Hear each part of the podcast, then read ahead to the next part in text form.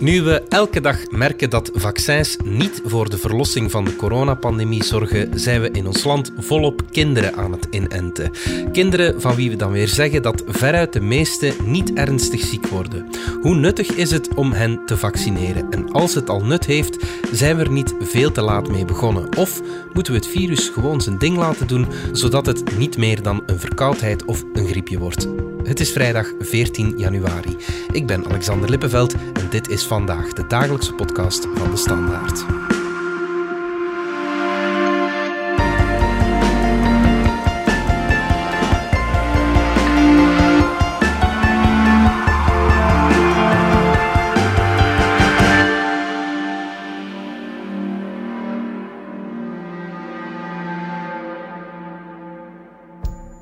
Ben Jos Mats, ik ben 10 jaar. Ik ga me nu laten vaccineren en ik ben een beetje zenuwachtig. Omdat iedereen zegt dat dat geen pijn doet en dat je dat niet voelt. Maar eigenlijk ben ik niet zo zeker. Jos, en vertel mij, zijn je ziek geweest? Ja, ja, eh, 2020 eh, in oktober. Heb je dan corona gehad? Ja, Oh, maar ik heb er niks van. Niks van gevoeld. Dat is goed, hè, maar nu ga je dat niet meer krijgen, nu dat je die vaccin gaat krijgen. Hm? En iemand zei ook dat ik nu minder kans had omdat ik het al had gehad. Dat is ook zo, dat is waar. Dus dan heb je al een beetje resistentie, zoals dat ze dat noemen, hè, weerstand.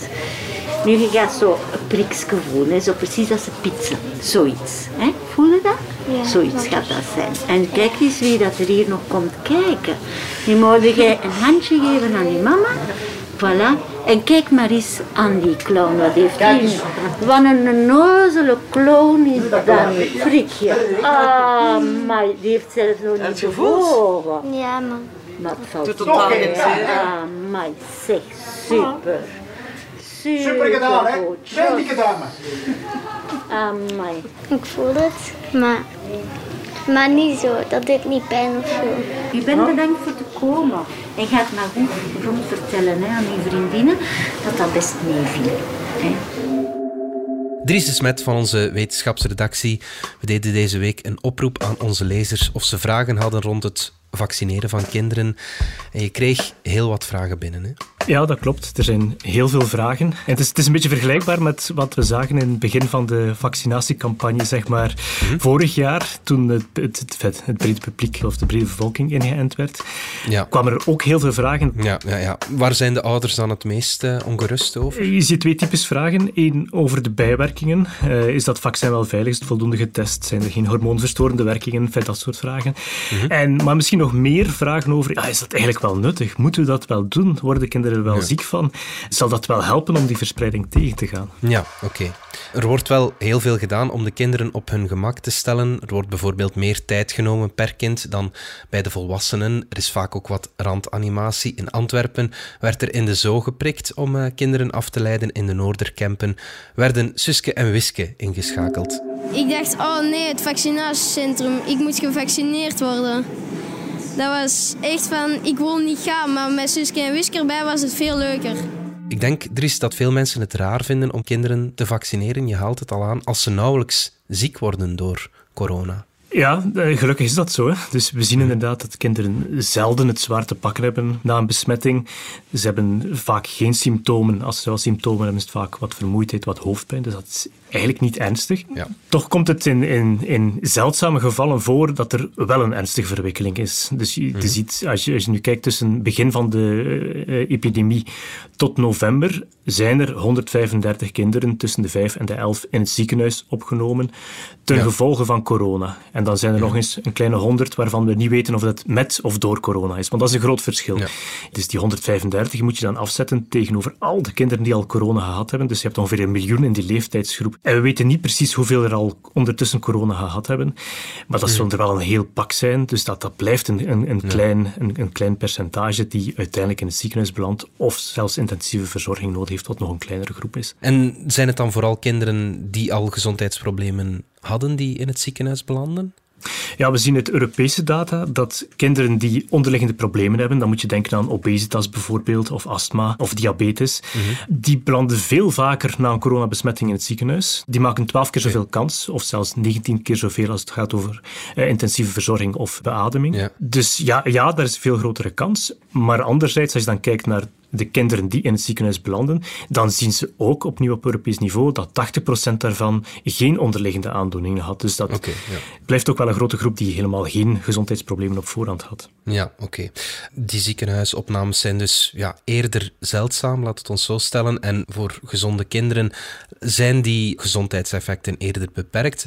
Waarom moeten we kinderen dan vaccineren? Zijn ze zo belangrijk voor de rest van de maatschappij? Wel, je hebt in de eerste plaats hun persoonlijk risico, dat klein is, maar dat is er dus ook wel. En we weten ook wel voor een stuk dat het vaccin helpt om ervoor te zorgen dat kinderen, ondanks dat het risico klein is, toch niet in het ziekenhuis belanden. Ja. Anderzijds, het, wat een ander voordeel is van het vaccin, is, is dat je besmettingen toch voor een stukje tegenhoudt, waardoor de leefomgeving van kinderen ook wel ehm, zeg maar makkelijker wordt. Als er minder besmettingen zijn en ze geven het virus ook minder door, dan kunnen scholen waarschijnlijk langer open blijven, moeten ze minder vaak zelf in quarantaine.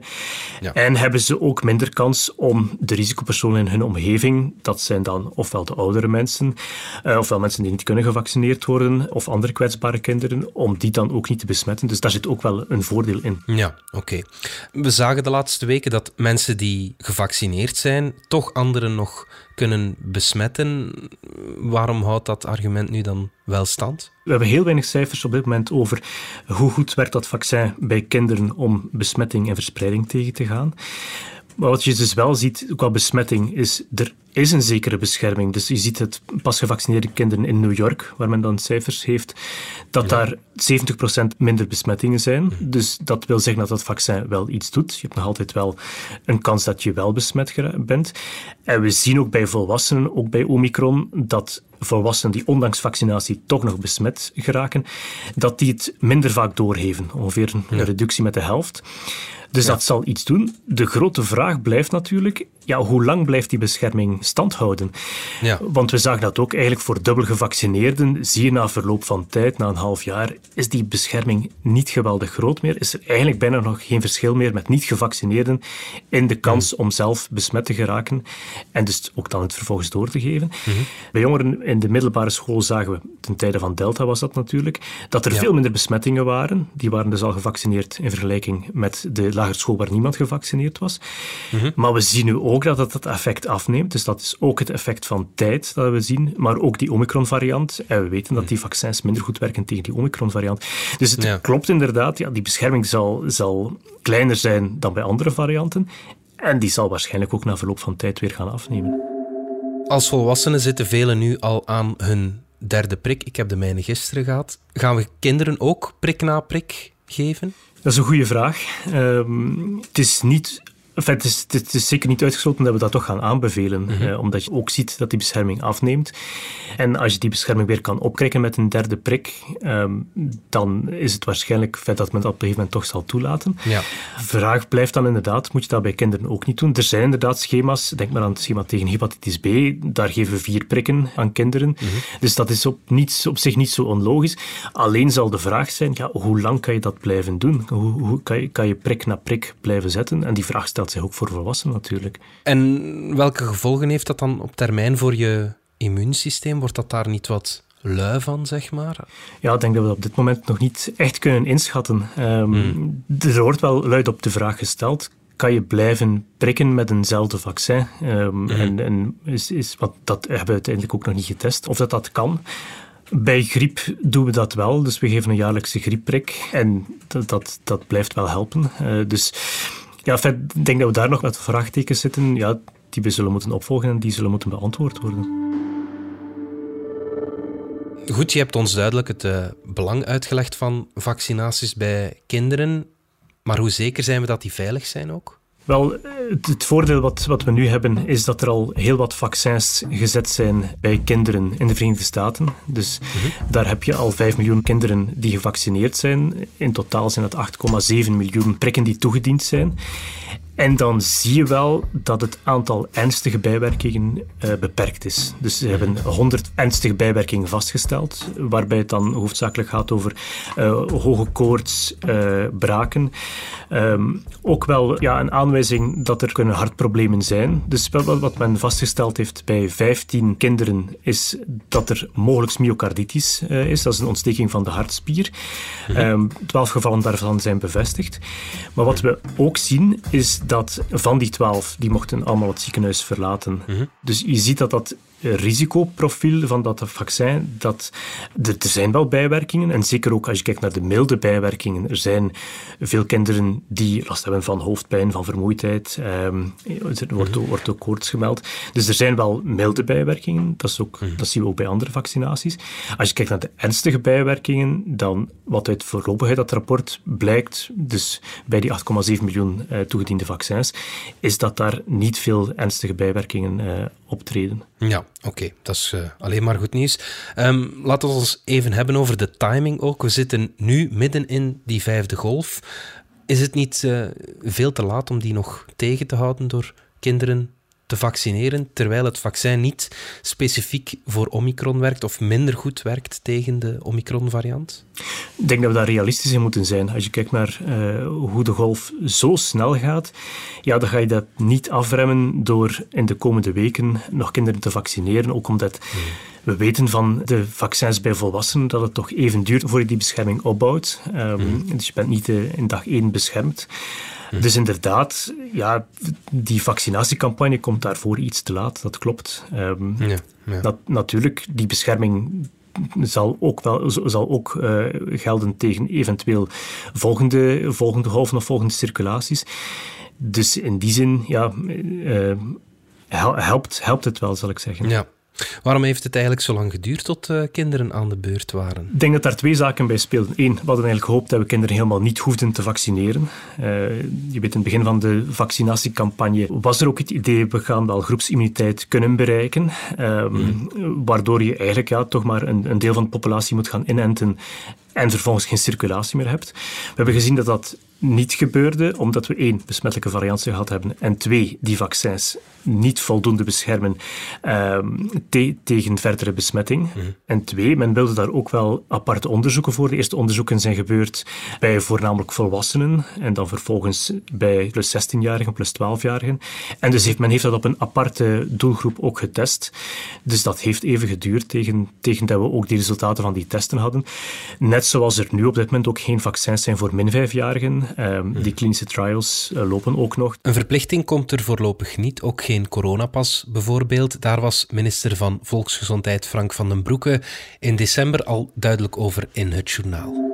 Het is vrijwillig. We gaan ook niet zeggen dat een kindje dat niet gevaccineerd is niet mag meedoen aan bepaalde activiteiten. Dus we gaan geen coronapas toepassen voor kinderen die niet gevaccineerd zijn. Daar is geen sprake van. Dries, is er nu veel weerstand of aarzeling bij ouders om hun kinderen te vaccineren? Ja, dat klopt. Men heeft gezegd, we gaan daar geen praktische gevolgen aan koppelen, aan, aan het wel of niet vaccineren van kinderen. En je ziet inderdaad dat er en veel vragen zijn bij ouders, maar ook veel aarzeling. Je zag het in de bevragingen die onder andere gebeurd zijn. Eh, denk aan de motivatiebarometer. Mhm. Waar toch ook blijkt dat uh, ja, meer dan de helft van de, van de ouders daar toch aan twijfelt. Uh, moeten we dat wel doen of niet? Um, je zag mhm. ook dat in de bevraging van de Universiteit Antwerpen, dus die doen ook een, een, een herhaaldelijke bevraging, dat die uh, motivatie ook wel wat afgenomen is. Als, als dat voor de zomer vroegen, was een veel grotere groep bereid om hun kinderen in te enten. Uh, dat is nu wat gezakt. Ook denk ik omdat we zien dat die vaccins, ja, dat die bescherming ook niet altijd zo lang stand houdt. Ja. Ja, ja, ja, ja oké. Um, je zou kunnen zeggen aan die twijfelende ouders, wacht nog even af en laat je kind op een later moment inenten. Ja, dan is dat vaccin misschien bijgewerkt en werkt dat nog een stukje beter. Ja, klopt. Hè. Dus wat het nadeel is van dit vaccin is dat we kinderen inenten tegen de verkeerde variant. Het is gebaseerd op een oude stam. Werkt niet zo goed tegen Omicron en ze werken aan nieuwere vaccins die beter zijn eh, of die beter zouden kunnen zijn tegen de Omicron-variant. Dus dat zou inderdaad een argument zijn om, om ermee te wachten. Alleen is de vraag ja, hoe snel we zo'n aangepast vaccin zullen hebben. Ja. Als je kijkt naar realistische timing, eh, we moeten daar toch zeker drie maanden aan werken. Ehm, hm. Ja, dat is dan een afweging. Hè. Wacht ik op, op een aangepaster vaccin, ook al weet ik dat dat langer kan duren en dat er ondertussen hm. ook wel een besmetting kan zijn.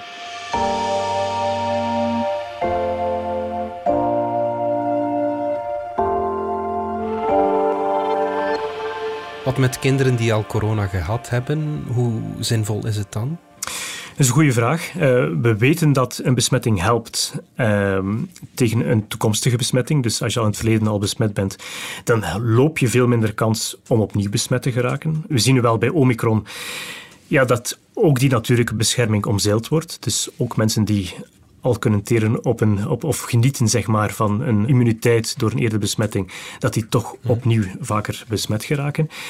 Wat we wel zagen, we hebben een studie uit, uit, Kentucky in de Verenigde Staten, ehm, die dan de vergelijking maakt tussen mensen die enkel maar natuurlijke immuniteit genieten en mensen die de hybride immuniteit hebben, dus natuurlijke immuniteit plus vaccinatie. En dan zie je dat de herbesmettingen bij die populatie, die dus hybride immuniteit heeft, kleiner is. Ah, en dat zagen we eigenlijk ook in labo-onderzoek. Degenen die best beschermd zijn, zijn degenen die de hybride immuniteit hebben, die dus een combinatie hebben van de twee, ook voor tegen, tegen Omicron. Ja, er is, het is wel begrijpelijk dat mensen uh, twijfelen. Hè. Er is, is er nog altijd geen sluitend antwoord van. Wat is nu het voordeel? Nee, dat is zeker zo. Bij elke medische behandeling of elke vaccinatie moet je eigenlijk de baten tegenover de risico's gaan afwegen. Ja. Er is een risico van ziekte die je wil uitsluiten en er is ook een risico die gepaard gaat met vaccinatie. Mhm. En in dit geval weten we oké, dat dat risico van die vaccinatie, als we kijken naar al die inentingen in de Verenigde Staten, dat is klein. Uh, Dus dat, dat, is zeer klein. Dus dat risicoprofiel van het vaccin lijkt duidelijk wel oké. Anderzijds, de baten, en dus als je kijkt hoe vaak kinderen ziek worden van deze ziekte, dat is ook niet groot. En dus die kans op ziekenhuisopname is ook niet groot. Dus het blijft een heel klein risico tegenover misschien nog een kleiner risico afzetten. En dat is een veel minder duidelijke case dan bijvoorbeeld bij volwassenen. Als je, als je kijkt zeker naar, naar kwetsbare groepen of, of naar 65-plussers, is het evident dat vaccinatie zo'n grote baten heeft eh, tegenover de risico's ja, dat je, als je alles wel beschouwt, logischerwijs of redelijkerwijs kan pleiten voor vaccinatie bij, bij oudere mensen. Bij kinderen zijn het zeer kleine risico's die je tegenover elkaar afweegt. En dat, dat, dat is gewoon ja, minder helder zeg maar, als keis om dat wel of hmm. niet te doen.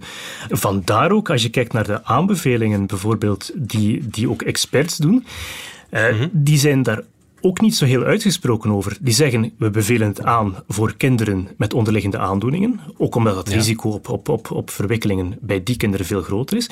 Als je kijkt naar gezonde kinderen, wat die dan zeggen is eigenlijk, ja, we bevelen het niet aan, maar we bieden het wel aan. Dus het is niet, het is niet dat, dat dus ze zeggen, het is sterk aangeraden om dat vaccin te nemen. Nee, we bieden het wel aan. En kijk, het, zijn, het heeft voordelen uh, om, om dat te gaan doen naar eigen risico, naar het vermijden van quarantaine, naar het niet doorgeven eh, naar anderen. Maar er is geen aanbeveling of sterke aanbeveling eh, aan kinderen. Mm. Dus, dus de experts laten het ook daar ook echt wel over aan de ouders om die beslissing te gaan maken. Laat het ons nog even over die Omicron-variant hebben. Er gaan heel wat verschillende cijfers en feiten de ronde rond die variant het zou minder ziek maken, dus ook een minder groot probleem zijn. Moeten we ons dan wel nog zorgen maken vandaag over die stijgende besmettingscijfers? Het is zeker goed nieuws dat die minder ziekmakend blijkt te zijn. Hè. En dat, en dat we zien dat in Zuid-Afrika, we zien dat in Denemarken, we zien dat in Groot-Brittannië, we zien dat in de Verenigde Staten nu ook. Dus dat lijkt uh, robuust te zijn. En er zijn ook onderzoeken die aangeven ehm, dat er inderdaad minder virusreplicatie bijvoorbeeld in de longen is. Meer in de bovenste luchtwegen, waar het, wat ook zou kunnen verklaren waarom het zo snel gaat. Omdat het zich daar sneller vermenigvuldigt en we het dan misschien ook sneller doorgeven. Maar dus minder vaak in de longen, wat vaak tot complicaties lijkt. Dus dat is op zich zeker goed nieuws.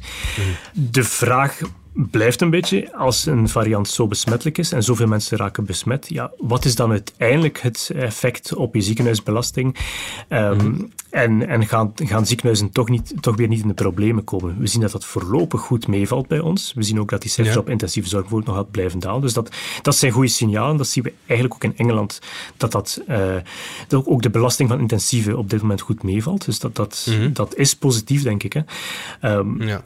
Dus in die zin je, moeten we ons zorgen maken over het stijgende besmettingscijfer. Ja, gelukkig moeten we ons daar minder zorgen over maken dan bij andere varianten. Ja, ja, ja. Als ik dat nu allemaal hoor, Dries, dan denk ik, ja, misschien plukken we straks wel de vruchten van Omicron. En is dat ja, misschien wel wat onze bondgenoot in de uiteindelijke strijd? Het is, het is zeker dat je daar vruchten van plukt in de zin, je bouwt immuniteit op. Dus hoe meer mensen opnieuw in, uh, in contact komen met het, met het virus, het immuunsysteem past eraan aan en dat betekent opnieuw dat een kans naar een toekomstige besmetting kleiner wordt. Dus dat is zeker zo. Alleen weten we bij dit virus dat er wel variaties ontstaan en dat die variaties um, ja, er of in slagen om je immuunsysteem te omzeilen, wat opnieuw kan bij een nieuwe variant, dus dat kunnen we zeker niet, niet uitsluiten. Mm. Ik denk dat het aantal variaties en mutaties zeker nog niet op is. Mm. Um, dus ja, we bouwen zeker bescherming op en zal zeker ook zo zijn tegen toekomstige Omicron-golven.